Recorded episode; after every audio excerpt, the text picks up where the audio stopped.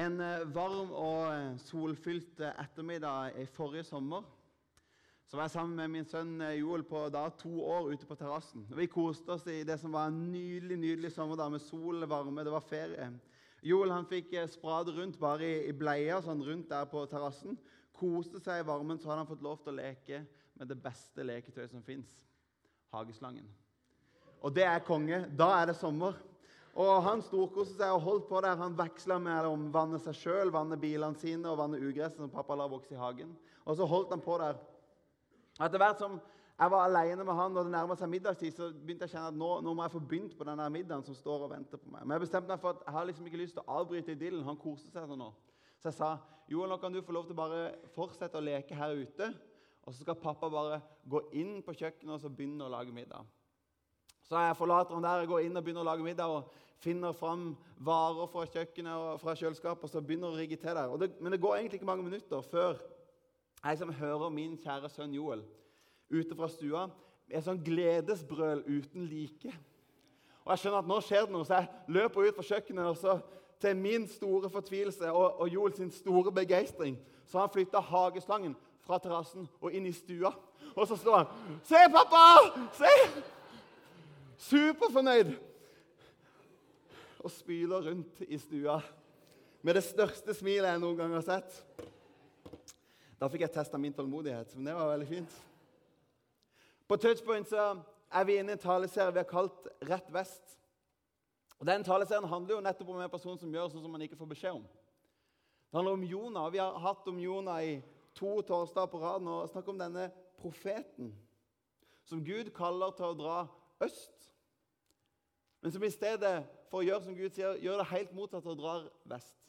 Han drar rett vest, i motsatt retning av det jeg får beskjed om. Og vi har jo fulgt av Jonah de siste torsdagene i kapittel 1 og 2. Og så hører vi om Jonah som får sitt kall. Drar rett vest, ikke øst som han får beskjed om. Og så går det jo også rett vest med Jonah i livet hans. På sjøveien vestover, vekk fra der han skulle, så kommer det en kraftig storm over båten han er i. står det. Og Så blir det til slutt så ille at eh, de sjøfolkene han reiser sammen faktisk kaster Jonah over bord. Og Kjempende med bølger så blir Jonah slukt av en stor fisk. Og er fiskens buk i tre dager og tre netter. Så vi har akkurat hørt linja nå lese nydelig gjennom kapittel 3. Og så er det her vi skal ta fatt på historien igjen fra sist. Når Jonah blir skylt opp på land, og Gud taler til Jonah igjen. Men Før vi gjør det, så har jeg lyst til å be om at Gud skal få lov til å tale til oss gjennom sitt ord. Herre Jesus, takk for at når vi samles til touchpoint, så samles vi om det. Det er deg, Jesus, som dette handler om. Det er deg vi ønsker å høre fra.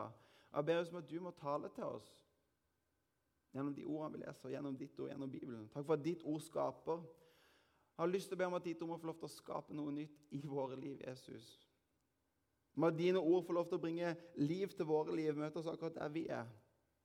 Og gi oss det vi trenger i dag, Herre Jesus. Det ber jeg om i ditt navn. Amen. Jonah, som min sønn Joel, han eh, gjør som han ikke får beskjed om. Og Historien om Jonah er en fascinerende historie. Hvis du ikke har hørt liksom, de andre tallene, så kan du gå og sjekke det ut. Eh, da kommer det også en liten sånn parentes om denne fisken, hvis du lurer veldig på det.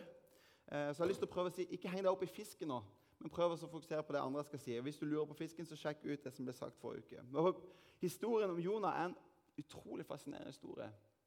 Og Grunnen til at vi har denne serien, i det hele tatt handler om at denne boka, i den lille, korte boka på fire kapitler tar opp helt enormt mange sentrale temaer ved den kristne tro. Og Derfor har vi lyst til å tale den serien i utgangspunktet fordi at det sier så mye viktig om hva det er vi egentlig tror på, og hvilken Gud vi har med å gjøre. Og Kapittel 3 det er intet unntak. Det er et kort kapittel, men utrolig innholdsrikt. og det er veldig mye jeg kunne sagt. Men jeg skal konsentrere meg om én ting i dag en ting som forhåpentligvis kan få betydning for oss, og det handler om Guds hjerte. For den teksten vi leser nå, så er det ingenting som blir så tydelig som Guds hjerte. Hvem Gud er, og hva slags hjerte han har for oss og for mennesker. Den sier noe helt sentralt, helt fundamentalt om hvem Gud er, og hvilken Gud vi har med å gjøre. Vi skal ta det for oss. Jeg har lyst til å begynne med å snakke om Guds hjerte for Jonah. Når jeg har lest gjennom disse kapitlene i forberedelsen, så har jeg egentlig ofte stoppa opp med bare det første verset som kom i teksten. Jeg vet ikke om du har merket det når du leste, men Det første verset er helt fantastisk. Jeg stopper opp der og det står Herrens ord kom til Jonah for andre gang. Det er et fantastisk vers. Og rett og slett fordi Det formidler så mye om hvem Gud er. For hva har vi lest om Jonah de siste ukene? Jo, han har jo bare gjort alt det motsatte av Gud sagt. Og Så kommer vi hit, kapittel 3. Alt har gått rett vest for Jonah. Og så står det at Gud taler igjen. Og Jeg elsker det. Det er et kjempeenkelt vers, men vet du hva det sier om den Gud vi tror på? Vi har med en Gud å gjøre hvor det finnes en sjanse to. Altså, Det er jo egentlig så lett som det. Toget er på en måte ikke gått for Jonah. Det finnes fortsatt en vei. Vi har sett liksom hvor elendig det har gått med Jonah de siste gangene i hans ulydighet, men han får faktisk en ny sjanse.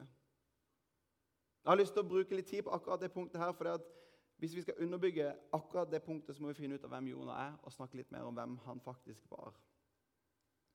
Når vi leser Jonah-boka, så kommer det nemlig ingen introduksjon av hvem Jonah er. Altså, det ligger, det ligger, ingen forklaring om hvem han var, hva han gjorde før. Det vil bare gå rett inn i historien. Og Det kan jo oppleves litt sånn merkelig for oss som leser, men det handler egentlig om at Jonah han trengte ingen introduksjon. For Jonah han står det om flere andre steder i Gamle testamentet, i, i andre kongebok. Og de som først leste Jonah, visste jo og kjente godt de jødiske skriftene og visste at når vi snakker om Jonah her, så ja, det er jo Jonah fra andre kongebok. Og Der finner vi Jonah som profet i, eh, for kong Jeroboam i Israels Nordrike. Og han lever der, virker som profet for kongen og har sin tjeneste der. Og Jonah er i utgangspunktet det vi på mange måter kanskje ville kalt en falsk profet. For I motsetning til sånne kjente profeter som også har noen bøker i Bibelen, som Amos og Hosea, som, som på denne tida taler kongen imot og kritiserer det kongen holder på med, kritiserer hans administrasjon, hans aggressive militære politikk, så gjør Jonah det stikk motsatt. Han støtter kongen. Og støtter den aggressive militære nasjonalistiske politikken som kongen holder på med, og som Gud egentlig taler imot. Dette er Jonah, som vi ikke får noen introduksjon av, men som alle som leste Jonah, vet hvem er. Og så er det Jonah som får et kall om å dra til Nineve. Og Kall dra til Nineve det er et helt sånn spektakulært kall. Det er, det er hinsides kall. Spektakulært i seg sjøl. Fordi det er ingen annen profet i hele Gamle testamentet som får beskjed om å gå ut av Israel til et annet folk. Han er den eneste. Det er et, eh, et oppdrag uten, uten, sidestykke. Men det er enda mer spektakulært med tanke på to ting. Både hvem som blir sendt, at det faktisk er Jonas som blir sendt, og det andre er jo den byen han blir sendt til. Det er sjokkerende for den som leser dette først og vet hvem Jonas er, at det er Jonas som blir valgt som redskap for det oppdraget som Gud har.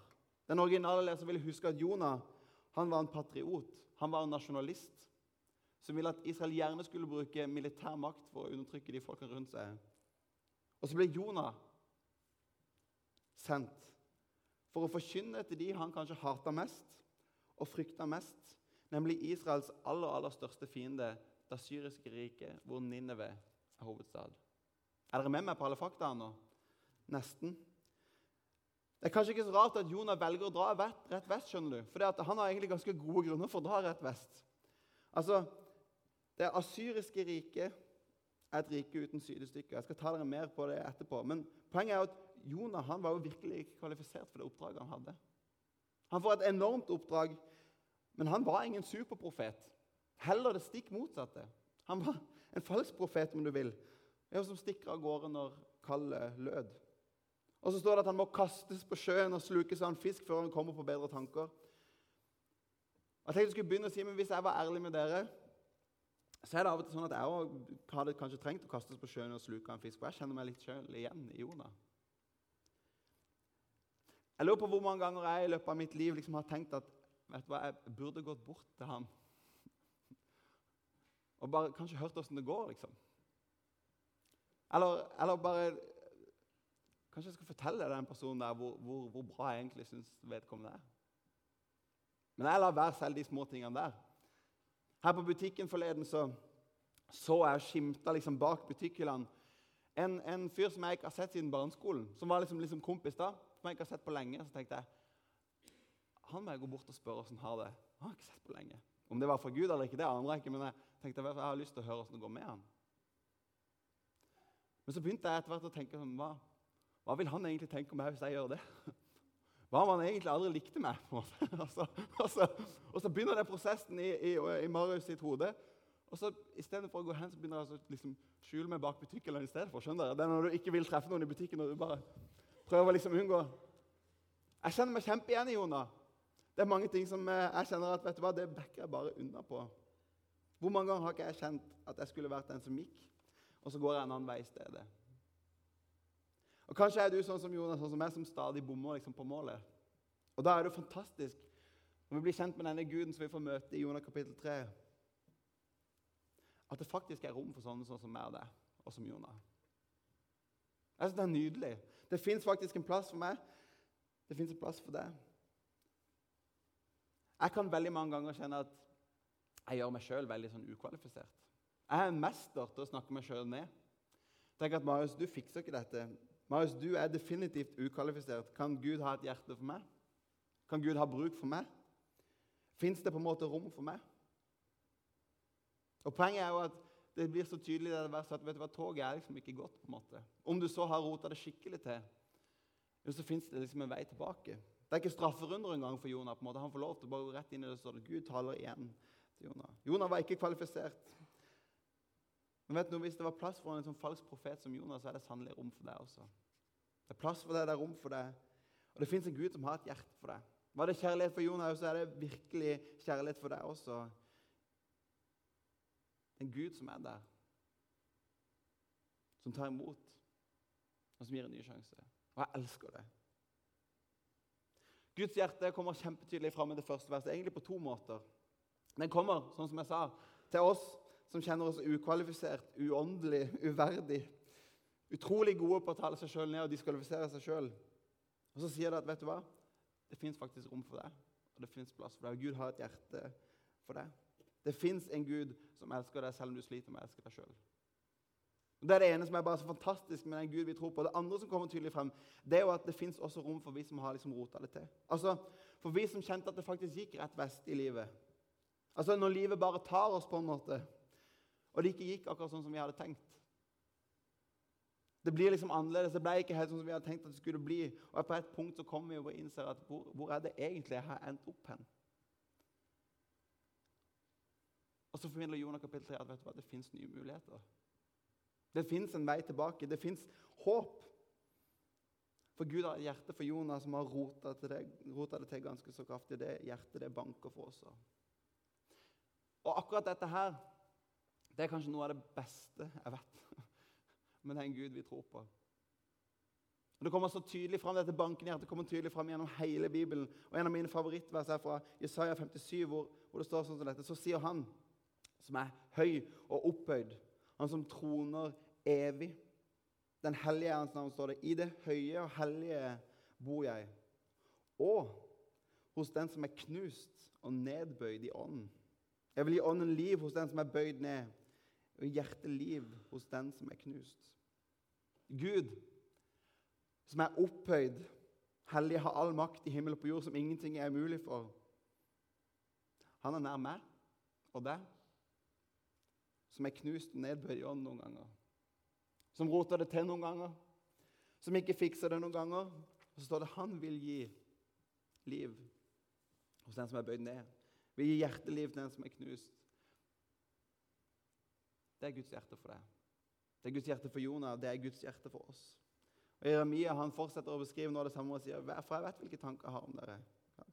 Sier Herren fredstanker ikke ulystanker. Og så sier han det som kommer på slutten her, som jeg liker bare aller best. Når dere kaller på meg og kommer til meg, så vil jeg høre dere. Dere skal søke meg, og dere skal finne meg. Ingen strafferunder, ingen omvei. Men Gud taler igjen til Jonah, og så får han lov til å begynne på nytt. Fantastisk. Gud har et hjerte for Jonah, Gud har et hjerte for deg. Og Gud har et hjerte for byer. Og det var hva andre har lyst til å si. Gud har et hjerte for byer, Gud har et hjerte for mennesker. Jeg nevnte tidligere at det er kanskje ikke så rart at Jonah var fryktelig redd for å gå inn i Nineve, sånn som han fikk oppgave om. Og Derfor drar han den helt motsatte vei. Det er, en, veldig god grunn egentlig til at han nekta å dra. Det asyriske riket, hvor Ninive er hovedstad, det var Israels store fiende, erkefienden. Men det er ikke en hvilken som helst fiende heller. for det asyriske riket var altså Fram til da det ondeste og voldeligste verden noen gang har sett. Det lå i dagens Irak, i det området der. Og berettelsene i historien om det assyriske riket er liksom så voldsomme at du har egentlig ikke lyst til å lese det opp. Berettelsene om hva de holdt på med, er sånn at de, de lemlesta sine fiender. Tvingte familier til å se når de nærmeste ble torturert. Sparte verken menn eller kvinner eller barn. Og Mange historikere skrev at dette er en ondskap uten sidestykke. Og mange har sammenlignet det med liksom det vi kan kjenne, kanskje kjenner som en sånn moderne IS. Det er det syriske riket, hvor Ninive er hovedstad. Og hit skal altså Jonah gå inn og forkynne at de må vende om fra sin ondskap. Det er et herlig oppdrag. Det er jo litt som en sånn herre Hvor lenge ville en profet klart seg i 1941 hvis han liksom marsjerte inn i Berlin og ba nazistene vende seg om fra sin ondskap? Kanskje ikke så lenge. Jeg skjønner at Jonah går en annen vei. skjønner du? Det, det er et sinnssykt oppdrag. Og så er det fascinerende for at Gud har et hjerte for byer. For til tross for denne ondskapen så er det altså denne byen som er gjenstand for liksom Guds utstrakte hånd. Skjønner dere? Den råeste ondskapen som verden noen gang har sett. Og så er det de som er gjenstand for Guds oppdrag. Gud elsker byer. Gud elsker mennesker. Har et hjerte for mennesker. Og så skal det si at Når Jonah kommer til Nineve, så har han egentlig sånn domsbudskap. Hva er det vi leste? Vi leste at ennå 40 dager så skal Nineve bli ødelagt. Det er domsbudskap, men Jonah forkynner dom, men det er jo ingen grunn til å forkynne dom hvis ikke det finnes en mulighet for at dommen kan unngås. ikke sant? Gud har nåde for en by som Nineve. Gud har hjerte for en by som Nineve. Gud har hjerte for mennesker.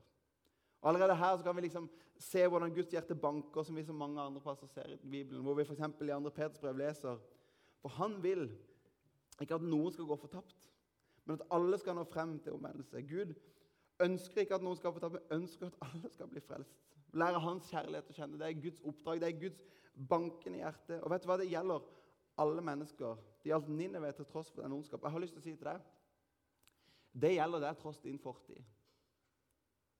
Og det gjelder deg tross de tingene du skammer over. Det gjelder deg tross de tingene som du liksom diskvalifiserer deg sjøl med. Guds hjerte gjaldt for Ninneve, og det gjelder for deg.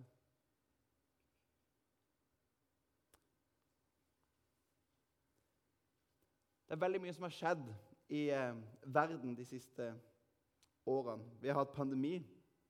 Vi har krig i Europa. Men de siste årene har vært prega av et fokus på rasisme. Bl.a. Liksom etter drapet på, på, George Floyd 25. mai 2020. Og nettopp rasisme kommer veldig tydelig fram i denne teksten. her. Jeg vet ikke om du har merket det når vi leste det, men Jonah Gjennom berettelsene fra Bibelen så kommer det fram at han, han virkelig hata og frykta Nineve. Han hata ikke bare pga. deres ondskap, men antagelig også pga. deres rase. Han var en nasjonalist, en patriot. Og De som kjente Jonah fra de tekstene som finnes i andre kongebok, vet at han, han var en sterk nasjonalist som støtta en aggressiv politikk hvor man skulle angripe fiendene rundt. Og så sender altså Gud Jonah inn hit. Og Jeg syns det er en fantastisk ting å lese i en så gammel bok, hvor vi er i en verden hvor vi egentlig kan komme lenger, at vi sliter med den rasismen fortsatt. Og så kommer vi inn i Bibelen og så ser vi hvordan Gud han tenker helt annerledes enn det vi gjør. Og Det er fantastisk å kunne forkynne at vet du hva, eh, rasisme eller å se ned på andre grupper det har ingenting med Guds rike å gjøre. visste du Det Det er så langt fra Guds hjerte som det går an å få det. At Jonah blir Guds utsending til folket som han hater. Viser så tydelig at Guds kjærlighet gjelder alle mennesker, uansett rase og kultur. Og det Vi leser i jordene her bare som bitte lite frampek på mange steder vi kan lese i Det nye testamentet. F.eks. når kirka etableres for første gang. På pinsedag, det vi kaller kirkens bursdag, så står det sånn som dette. Jeg skal lese litt for dere. Da ble de alle fylt av Den hellige ånd, og de begynte å tale på andre språk ettersom ånden ga dem å forkynne. Og I Jerusalem så bodde det fromme jøder fra alle folkeslag under himmelen. Og En stor folkemengde stimlet sammen da de hørte denne lyden. Og Det ble stor forvirring, for hver enkelt hørte sitt eget morsmål bli talt.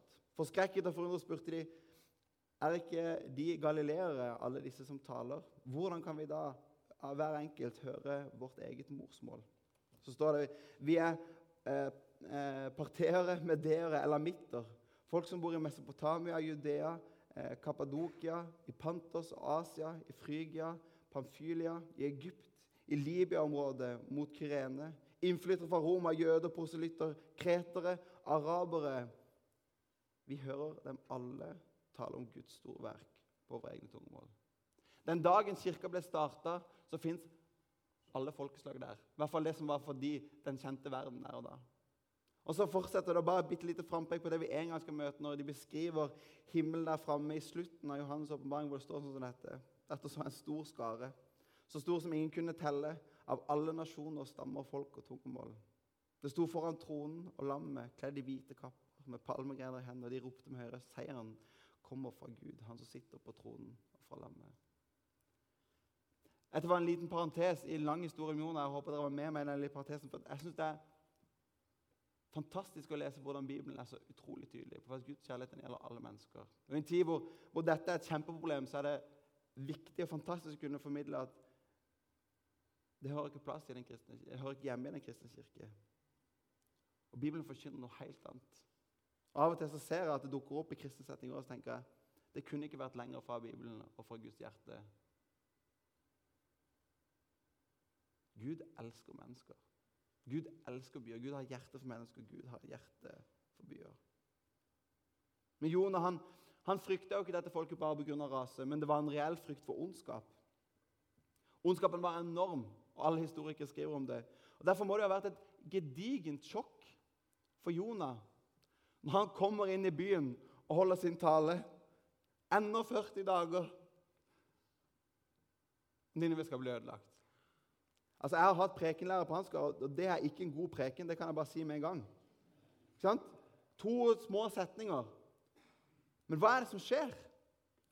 Og dette, er jo, dette er jo et av de sykeste eh underne i historien det vi får lese om. Han har sin lille tale på, på en, to setninger. Og så står det da trodde folk i Ninive på Gud. Altså, og så står det de ropte ut en faste, kledde seg i stekkestriper, både store og små.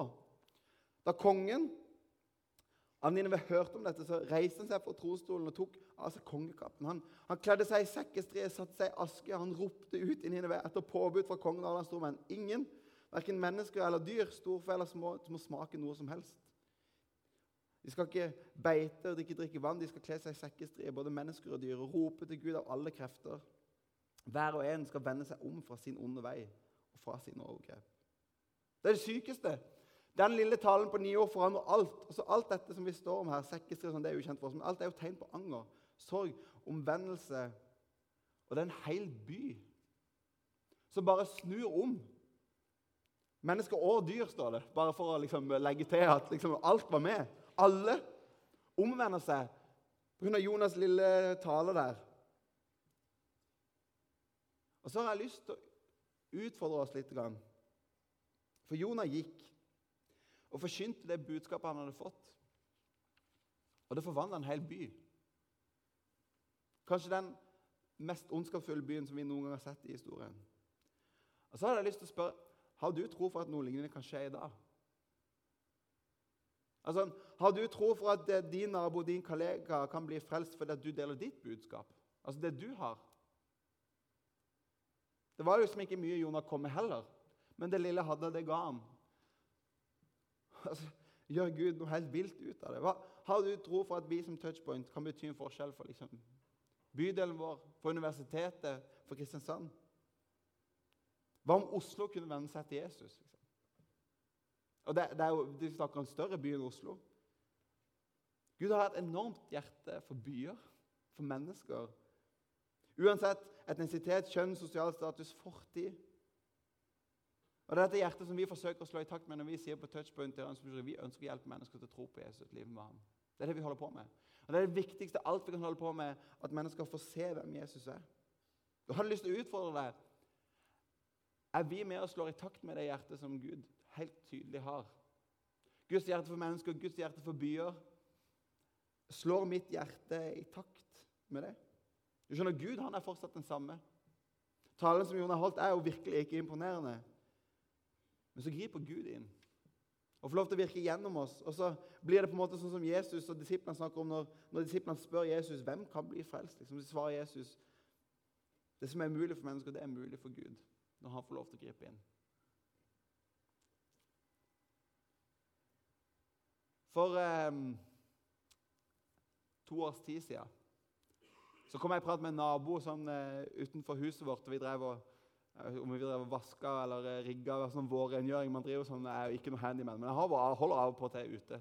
Men naboen er veldig heldig, så han er ofte ute. Så traff vi han der. da. Så var de ganske nye i gata, så jeg hilste på han og pratet litt med han. Så spurte han liksom, hva holder du på med. Og Jeg vegrer meg av og til for at jeg sier at jeg er pastor, men så sa jeg det, jeg er pastor. og så spurte han hvilken kirke da? Jo, den der, liksom bare rett der oppe. Jeg bor bare noen minutter unna. Så pekte jeg liksom, ja, opp der. Så sa han ja, for jeg har sett de der, de der blå skiltene som det står TP på. Som står rundt over Hva er det for noe? Nei, det er sånn studentmøter der. på en måte, liksom. Han er liksom på min alder. Det er sånn studentmøter hver torsdag. liksom. Ja, så kult, liksom. Og så, jeg, så bytter jeg tema. Kan du tenke å få en sånn pasning? Har du lyst til å bli med på touchpoint? Men den pasninga tok ikke jeg. Laget hadde en undersøkelse, laget en kristen studentorganisasjon i hele Norge. Hvor det, står, hvor det kommer fram da, mange, mange, mange kristne studenter har svart på en undersøkelse. Hvor det står at én av ti forteller andre medstudenter at de tror på Jesus. Altså, det, er, det er nesten ingen. Én av ti. Og Grunnen til at vi ikke gjør det, er fordi at vi frykter for hva vil de tenke om meg da. Og Det er jo det som gjør at jeg også liksom, lar være å invitere han fyren av touchpoint. på en måte. For eksempel, hva tenker han med det? Jeg er ikke sikkert han vil på touchpoint. Skal ikke jeg liksom trampe på hans tær og få ham med på touchpoint. Men Gud har et hjerte for byer. Og Gud har et hjerte for mennesker. Og Sannheten er at det beste det er jo til for å dele seg. Jeg husker ikke hvilken sjokolade som har det slagordet, men det burde vært vårt slagord. Som kristen har jeg fått alt. Jesus har gitt meg alt. Og det å gi Jesus videre det er det beste jeg kan gjøre for den Det mest kjærlige handling som fins i denne verden. Det beste er til for å. Så vi har fått det aller, aller beste. Men så holder vi det så veldig lett for oss sjøl. Kanskje det er bare meg. Jeg håper historien om dere er helt annerledes. Men det er ikke alltid jeg tar de pasningene jeg får. Det er ikke alltid jeg har tro for at det jeg har fått, kan være med å forandre en by, forandre menneskers liv. Men jeg ønsker at Touchpoint, og vi som går på Touchpoint, skal være sånne folk som deler av den troa vi har.